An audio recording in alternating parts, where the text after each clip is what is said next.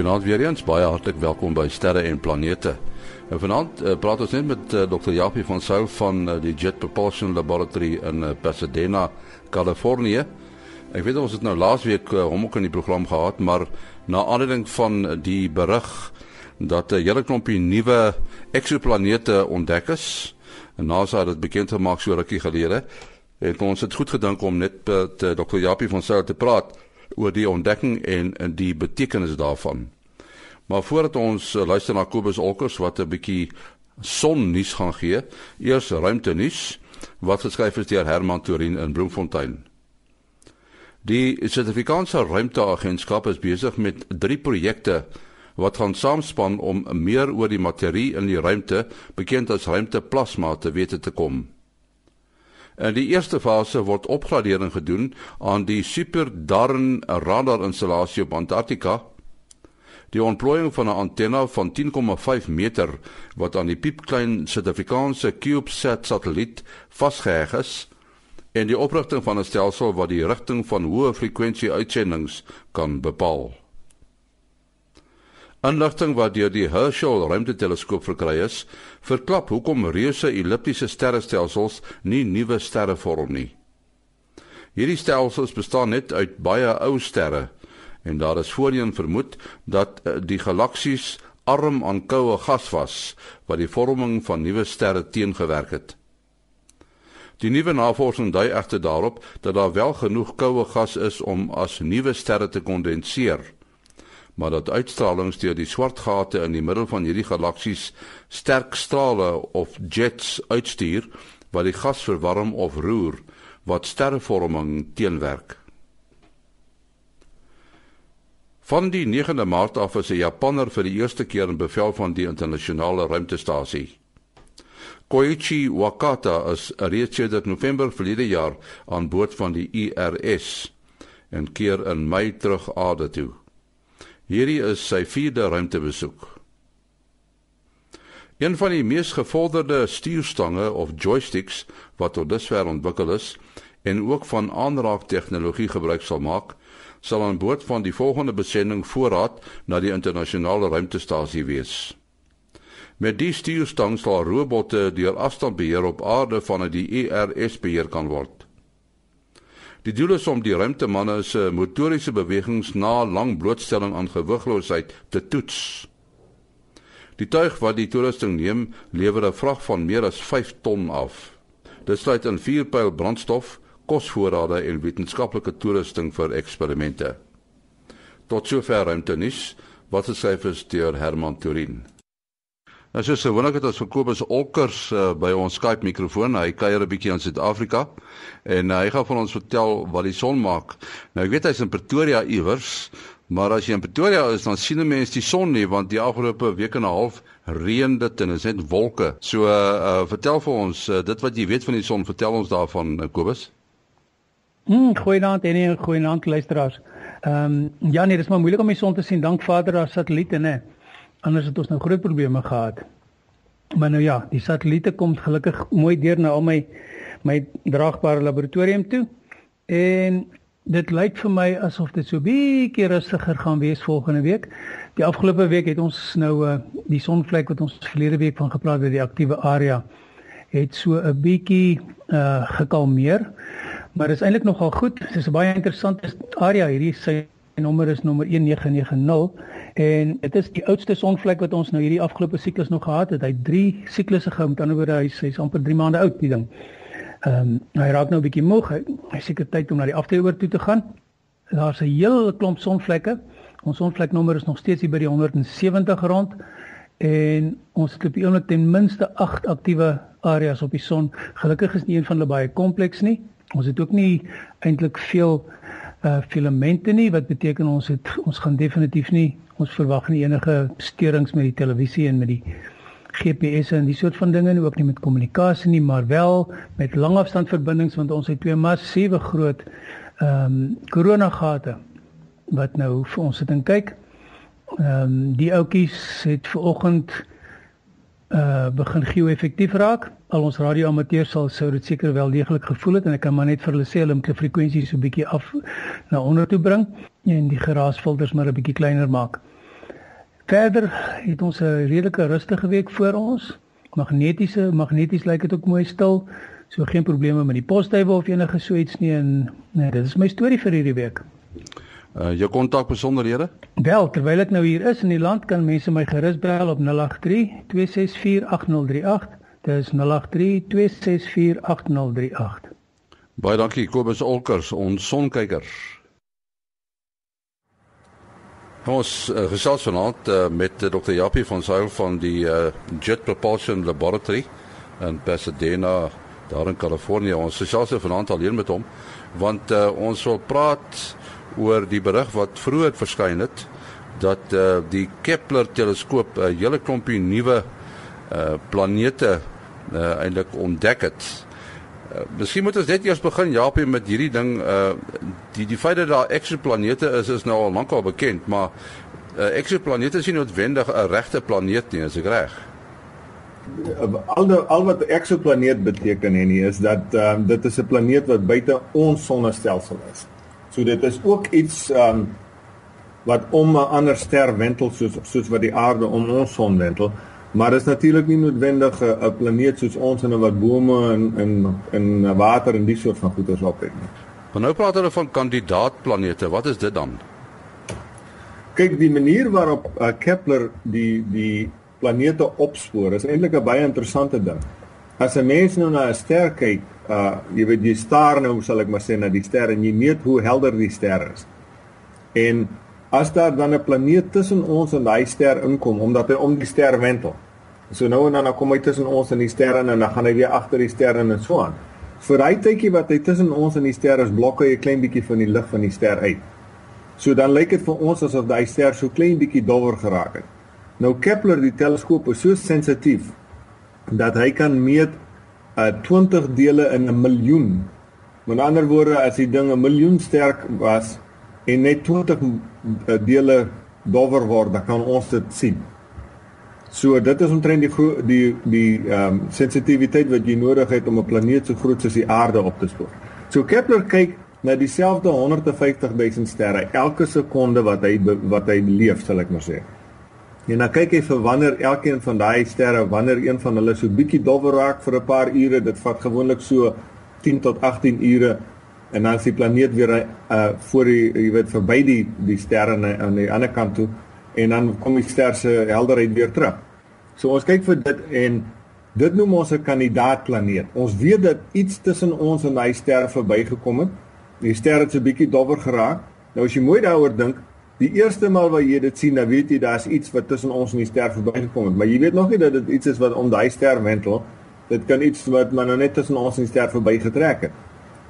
So wat jy doen is jy wag vir die tweede keer om dit weer te sien.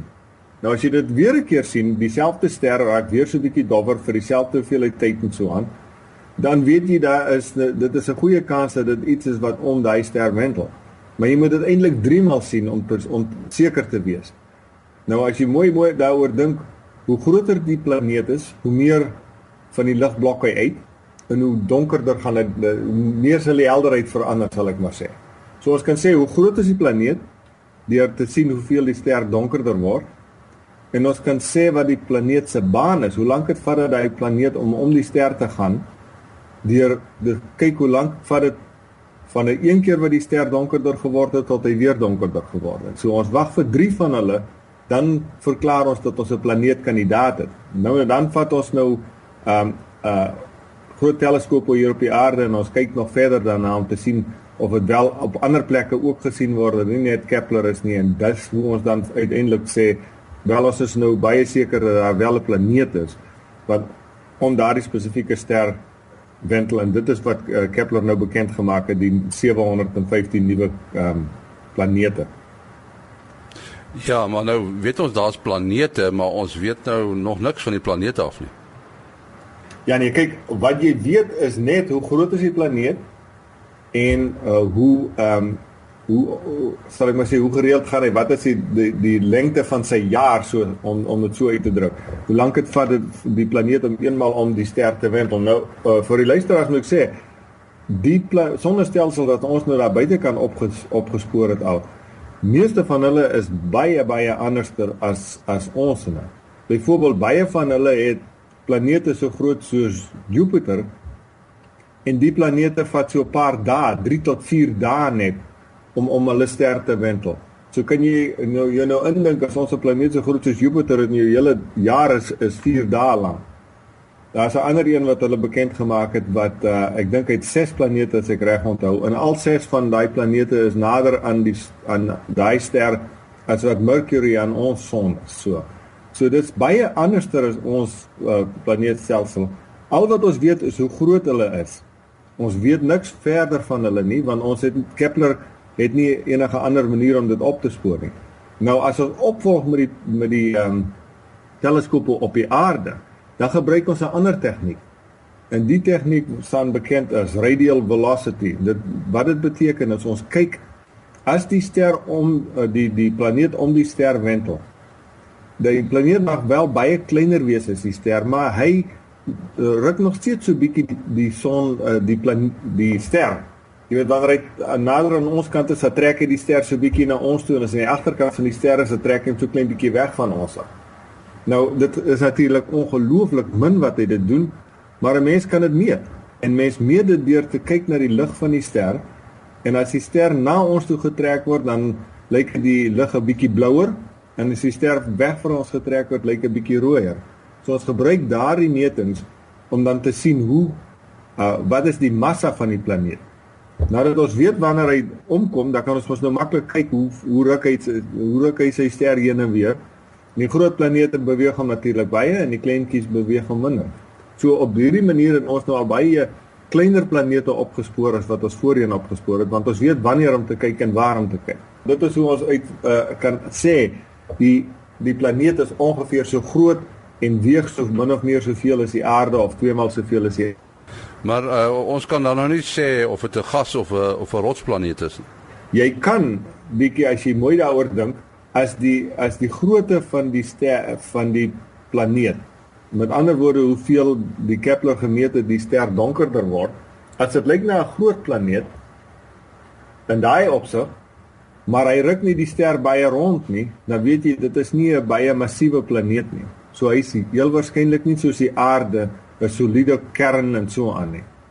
So 'n mens kan op soort van op 'n op 'n hoë vlak sê of dit wel 'n uh, 'n um, rots is en of dit en of dit uh, jy weet 'n soliede voorwerp met ander woorde hoë digtheid uh, voorwerp en of dit maar meer 'n bol gas is want 'n bol gas het nie soveel massa soos wat 'n uh, dieselfde groot klip byvoorbeeld sal hê.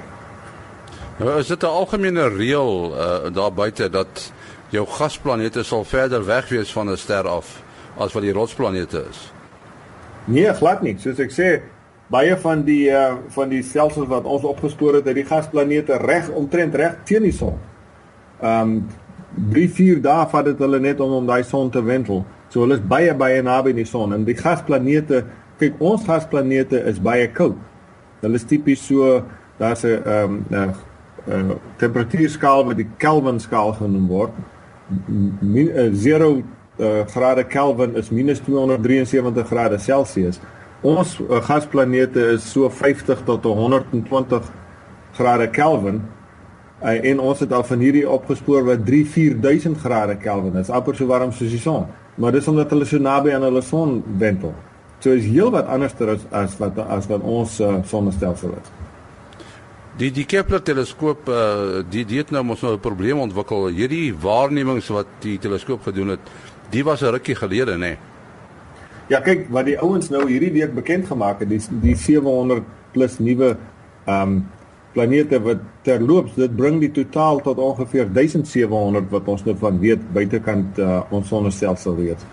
So dit het amper verdubbel die hoeveelheid wat ons nou van weet.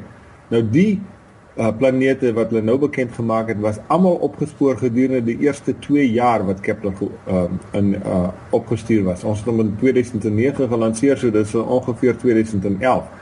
Nou as jy mooi daaroor dink, ek het gesê jy moet 3 maal moet jy die um, die planeet sien tussen ons en die ster kom om werklik te kan sê dat daar wel so 'n planeet is. So in 2 jaar moes die goeters 3 maal omgegaan het al. So dit beteken dat al daai daai planete wat ons opgespoor het het uh wentelbane wat minder as 'n jaar vat om om hulle sterre te gaan. Nou ons het nog steeds natuurlik data geneem tot baie onlangs met Kepler. So ons het nog baie ander data wat nog geanaliseer word en heel waarskynlik sal ons daar nog uh, heelwat meer sogenaamde langer periode planete kan mee opspoor.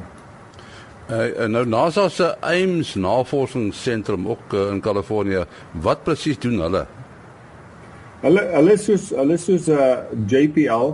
JPL is een van NASA se NASA 10 sulke senters wat uh, in Amerika is. Uh, Ames doen ook navorsing soos ons en ons het saam met hulle gewerk toe ons die die teleskoop ontwikkel het was JPL verantwoordelik daarvoor en nou dat hy uh, sal ek maar sê data neem nou is Ames verantwoordelik daarvoor. Ames doen meer navorsing met ehm um, wind uh, tunnels en die soort van goeders uh as wat as wat ons doen maar hulle was ook um byvoorbeeld betrokke by die landing van die van die Curiosity op Mars.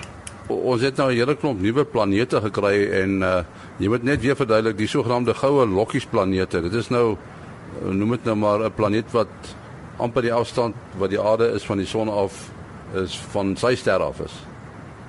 Ja, dit is natuurlik 'n baie spesiale planete. Uh as jy uh, 'n sekere afstand van 'n ster af, afhangende van hoe warm daai ster is. Uh, jy moet 'n sekere afstand van hom afgaan voordat water nie sommer net sal verdamp, sal ek maar sê wegge weggebrand word nie. En as jy te ver gaan, dan sal die water altyd gevries wees. So dis wat ons die goue lokkies deel noem. Is daai afstand van die ster af waar die water in vloeibare vorm kan bestaan. Nou vir die luisteraars van ons son is die is daardie goue lokkies deel net van ongeveer waar Venus is tot net aan die kant Mars. So ons sit nou mooi in die middel van die van die goue lokkies deel van ons son. En van hierdie 700 planete wat hulle nou bekend gemaak het, is daar 4 van hulle wat presies in daai selfde afstand van hulle sonne af is, hulle sterre af is sodat hulle ook uh heel waarskynlik water in vloeibare vorm kan hê as daar water op die planete is. Ja, daar is ene die Kepler 296f. Hy is nou blykbaar twee maal die grootte van die aarde. Ja, nee, dit is waar. Hy is hy is hy behoort baie die dieselfde toestande te hê as ons aarde. En uh hy's uh, hy's groot genoeg dat hy wel 'n atmosfeer sal kan hê en so aan. Nou jy het voorheen gevra ons of ons nou nog nie meer weet van die planete nie. Dis natuurlik nou die volgende stap wat ons moet neem is om nou die planete te bestudeer. Daar's daar daar is tegnieke wat 'n mens kan gebruik om te sien of die planete wel ehm um, atmosfeer om hulle het en as hulle atmosfeer om hulle uh, het te meet waar van die atmosfeer gemaak is of daar byvoorbeeld waterdamp in die atmosfeer is ensovoorts. En ons werk al hele klompie jare aan die tegnieke, maar dit is natuurlik weer die volgende stap, uh, stap wat ons moet neem om om meer van die planete te weet. Dis wat ons noem ons karakteriseer die planete. Ons ons ontdek hulle nie net nie, ons wil hulle nou karakteriseer. Ja, daardie metodes wat jy in die begin van gepraat het, die ene is die oorgangsmetode, die, die transit metode wat waar jy kan sien dat die ster verdof en die ander een is die Doppler, net dit waar die ster heen en weer beweeg. Uh dit is af, dis afgeleide uh, waarnemings, nee, jy sien nie self die die die planeet nie. Nee, jy jy sien glad nie die planeet nie. Nou die interessante ding is baie van die tegnieke wat ons gebruik om planete te karakteriseer is ook uh afgeleide metodes in die sin dat ons nie werklik 'n foto neem waar jy spesifiek die ehm um, die planeet kan sien nie. Maar kom ek uh, stel dit so. Gestel ons kan die die ehm um, die lig van die ster meet en ons meet hom nou in al sy kleure baie baie versigtig soos wat mense 'n spektrum noem. Ons meet die hele spektrum van die ster. As die planeet nou tussen ons en die ster inkom, as daai planeet net 'n klip is, dan gaan hy net so klein bietjie van die lig die die sterre bietjie dowwer maak, maar die spektrum gaan niks verander nie, want die die dis maar net 'n 'n ding wat bietjie van die lig uitplaag. Maar as hy wel 'n atmosfeer het, dan gaan van daai lig wat by ons uitkom, deur daai atmosfeer trek voordat dit by ons kom. En dit as jy dit um, dan kan baie versigtig meet, die atmosfeer die molekules wat in daai atmosfeer voorkom, verander die spektrum. Hulle absorbeer sommige van die uh, verskillende kleure van die lig, net soos in ons atmosfeer. So dis hoe ons kan sê of 'n uh, of 'n planeet wel 'n atmosfeer het. Nou die interessante ding is jy hoef nie werklik die uh, die foto te neem waar jy kan die planeet homself sien nie, want ons meet net die spektrum wanneer die planeet agter die son is en dan wanneer die planeet voor hom is. En dan trek ons die twee van mekaar af.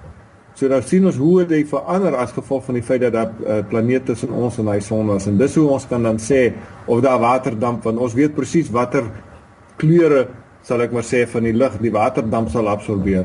So as hy daardie kleure dan nou nie voorkom in die in die uh, spektrum as die planeet daar as jy dan weet is aha, daar's water in die atmosfeer iewers ter in hierdie planeet. Ja, ek dink daar's uh, sou sekerlik mense wees wat vra nou goed ons is nou al hierdie goed weet uh so wat daarvan uh, hoekom moet ons hierdie dinge weet want ons kan sekerlik in elk geval nie daar uitkom nie. Ja, kyk, dit is natuurlik nou baie goeie vraag. Ons sal as jy nou mooi dink, meeste van hierdie planete wat Kepler opgespoor het is 'n is meer in die omgewing van 1000 of so ligjare van ons af. So dit sal nou nie vir ons maklik wees om daar uit te kom nie. Maar uh die ek sou sê en die rede waarom ons dit wil weet is dis dis seker die oudste vraag wat die mense mensdom al gevra het. Vir duisende jare al kyk mense in die in die ruimte en hulle sê, "Jy ek wonder of daar iemand anderster is hier iewers in die ruimte."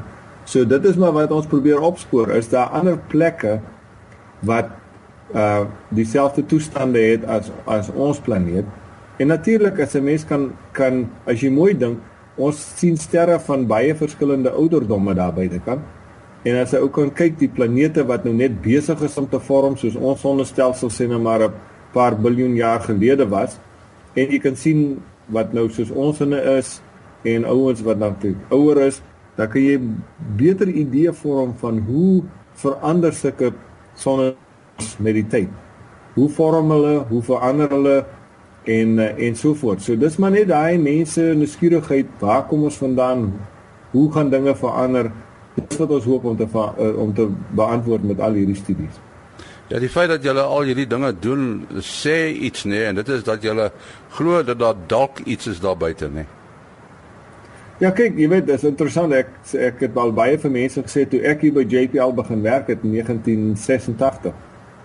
Die eerste taak wat hulle vir my gegee het was om te om te kyk of jy kan 'n teleskoop ontwerp wat 'n uh, planeet kan afneem om 'n ander ster. Nou dis ongelooflik moeilik. Uh en toe ek besluit ag nee, wat dit dit gaan julle wel te moeilik wees.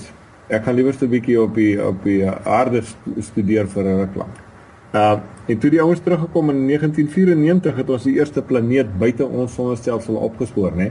Hmm. So tot en met 1994 het ons nie geweet dat daar werklik planete buite kan ons sonnestelsel is nie. En tot ons met Kepler ge gelanseer het, het ons nog nie geweet dat daar planete so groot soos die aarde min of meer daar buite is nie. Hulle was almal wat ons gekry het was baie groter. So Kepler in die in die wat is dit nou omtrent 5 jaar wat Kepler nou uh al op is het vir ons heeltemal ons uh, ons uh, beeld van wat daar buite aangaan verander. En ons weet nou dat daar baie baie minder kleiner planete uh, baie meer, sorry, kleiner planete is as wat ons voorheen gedink het.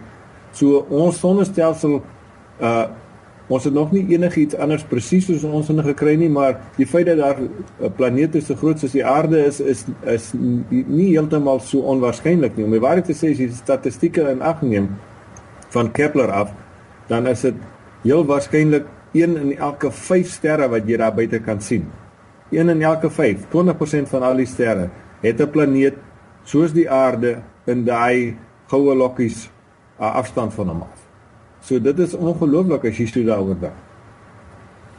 Nou ja, dit was dan uh, Dr. Japie van Sail daar in uh, Pasadena, Kalifornië wat gesels het.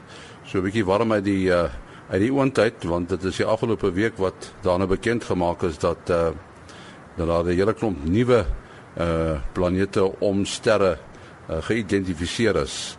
En uh dis dis eintlik 'n taak wat sekerlik nooit gaan ophou nie, nee Japie. Ja nee, nee, kyk, ons sal nie so maklik ophou nie. Daar NASA het nou weer 'n nuwe uh sending gekies om nog 'n groter deel van die van die uh, ruimte te kyk vir planete so. Nee, ons ons hoop om dit nog vir baie jare te doen. Ons sê ons sê dankie aan Dr. Japie van Sail.